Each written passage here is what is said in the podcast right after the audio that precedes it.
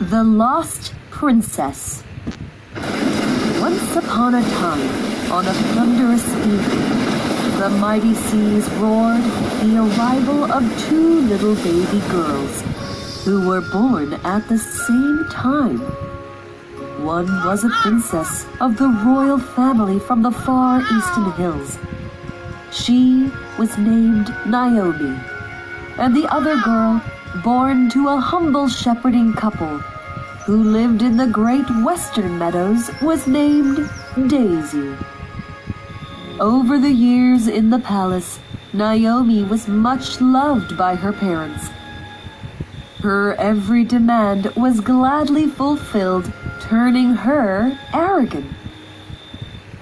How pretty!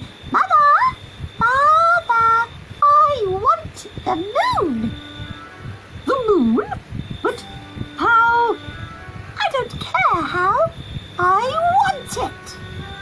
But Of course, sweetie. Guards, get the princess her moon immediately. Huh? Uh, yes, your highness.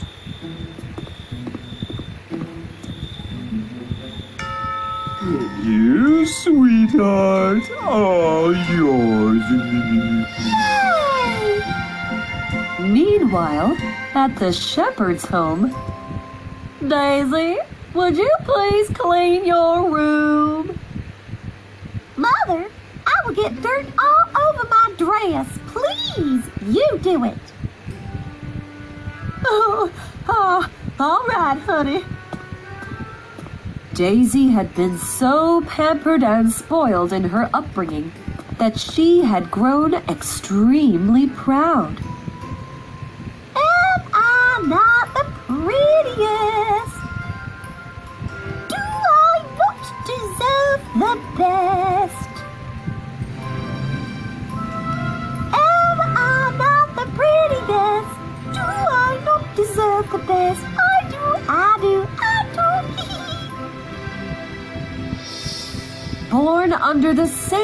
Star and stubbornly alike.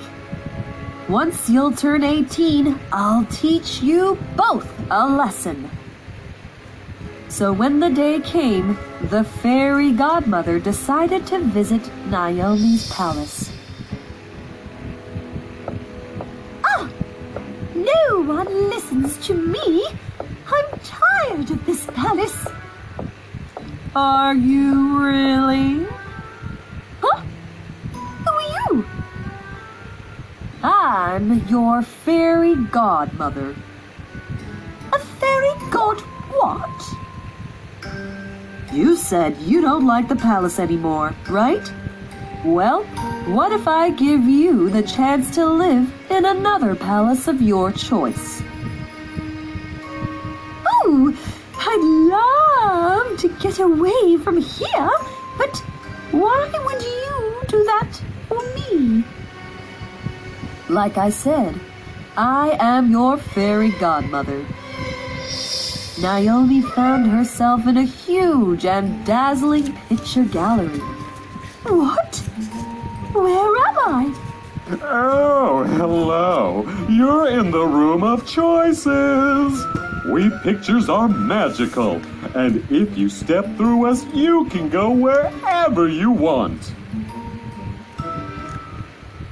Yes, so pick me. No, choose me. Pick, me. me. No, choose, Choose me. me. No, no, no, no, no, no, me.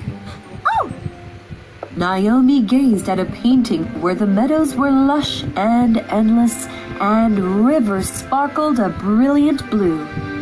oh, I feel. I feel as if this place is calling out to me. I choose this. She stepped through and disappeared within the painting. Meanwhile, the fairy had now gone to visit Daisy. My lovely hands. How can they ask me to do this work? I don't want to stay here anymore. Is that so? Oh, who are you? The fairy godmother introduced herself. But Daisy stared on suspiciously. How can I believe you? Well, on your 16th birthday, you cried all day, all because you didn't get your desired gift. How did you know that? Like I said, I'm your fairy godmother. Okay, let's see. Fairy godmother. Uh, can you get me out of here? Of course. Where am I? You're in the room of choices. You can go wherever you want by stepping through any of these magical pictures. Wow. Which do I pick? Choose me. Me, me. Daisy wondered, entranced by the lovely pictures. Hmm, that's my oh, boring home. Wait, who's that girl? It was Naomi. But Daisy, disinterested, moved on. She saw a picture of Naomi's kingdom with its grand castle and majestic waving flags. Is perfect. A palace. Huh. Wow. Grinning happily to herself, she carefully passed through the painting. The girls had now reached each other's homelands as their fairy godmother watched on. Meanwhile, Naomi's parents were distraught at her disappearance. The king had sent his soldiers to every part of the kingdom and beyond, but none found her. Wow, such grandeur. But how do I enter? Quite suddenly, she spotted a royal maid. Ah, she must work at the palace. I'll try working there too. That'll be my way of getting in. And thus, Daisy managed to get a job in the royal kitchens. But back home, her parents, in extreme distress, were searching desperately for her. Daisy? Oh, where are you? The shepherdess was astounded to see Naomi asleep on the ground. She had crossed the painting and had ended up lost and exhausted. When the princess awoke, she was surprised to find herself in a small thatched house. Where am I? Why, we found you near the bushes, fast asleep, and brought you here. You must be hungry. Don't you give me ordinary food. I'm a princess. The couple were surprised at this declaration. Maybe she's in shock. Poor girl. What are you whispering about? Get me something better to eat. Hmm. Here you go. Come, honey. Let our guest enjoy her meal. Naomi looked with displeasure at the food, but as her stomach growled in hunger, she ate it up.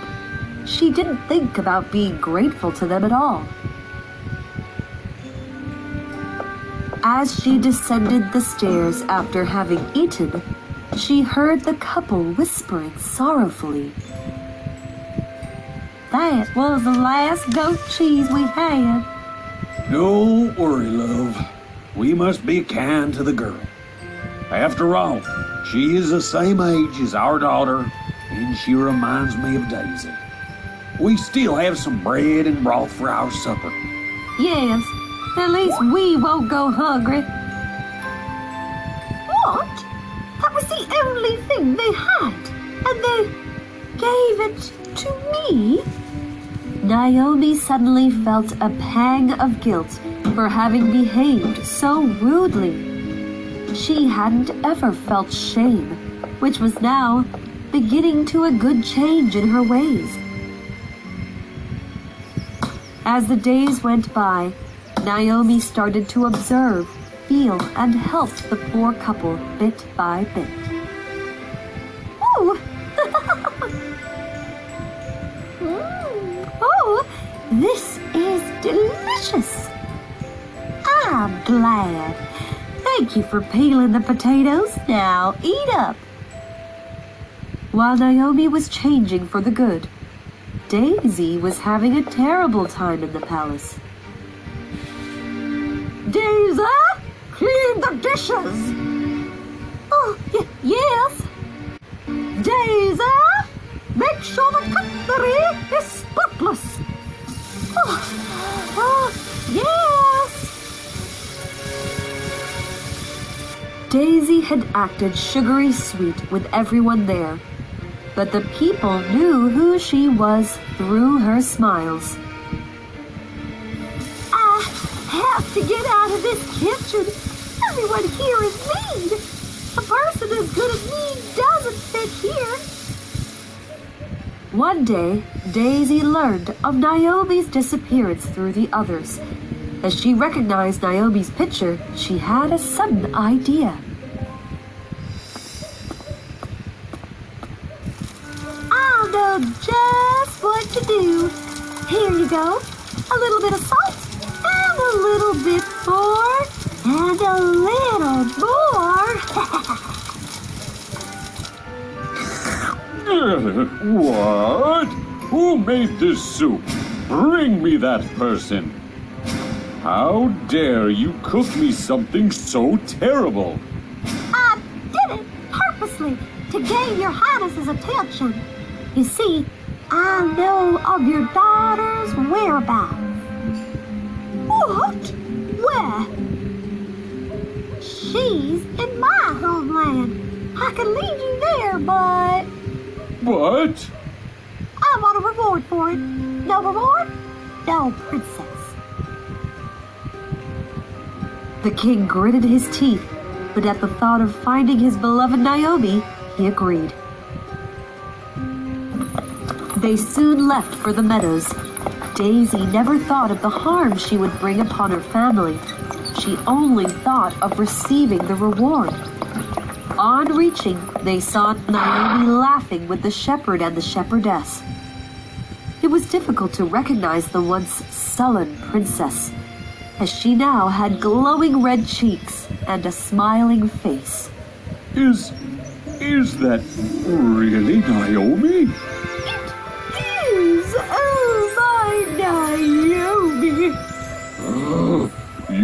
Dare steal my daughter? Mother? Father? Wait!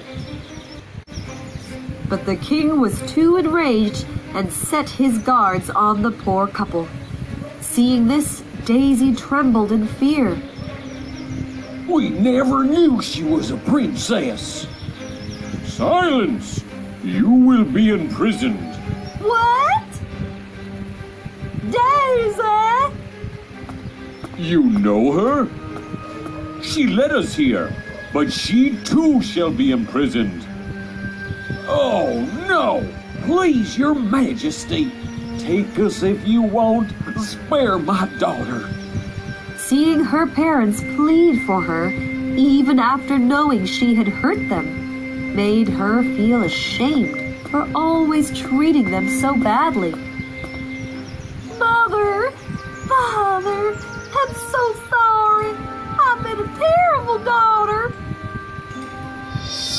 Suddenly, the fairy godmother appeared, full of smiles. Great king! It was me who persuaded Naomi to leave the palace so that she would learn how to be kinder. What? Dear shepherd, I persuaded your daughter to leave the meadows so that she would learn to be humble. And it seems that they've both learnt their lessons well. I have. I'll never be so proud ever again. Oh, how wrongly I've behaved. Even when you knew I brought you this pain, you still shielded me. Sweetheart, we will love you no matter what. Father, please free them. They've looked after me really well, and I've learned so much from them. Thank you so much for what you've allowed me to learn. I now understand what a complete wretch I was and promise to change myself. Thank you, Fairy Godmother. Oh, oh we are very sorry too for behaving the way we did. I'm really proud of you two and will always be looking after you. Well, goodbye. Naomi and her parents waved goodbye to Daisy and her family and went back to the palace. Daisy, as promised, turned into such a humble and amiable daughter. It pleased her parents immensely. Naomi, too, grew to be sweet and kind, which surprised everyone, but they loved her all the more for it. The two girls had learned that by being humble and kind to others, you can only receive as much love as you give. But giving is more important than receiving. And I will always make sure they remember that.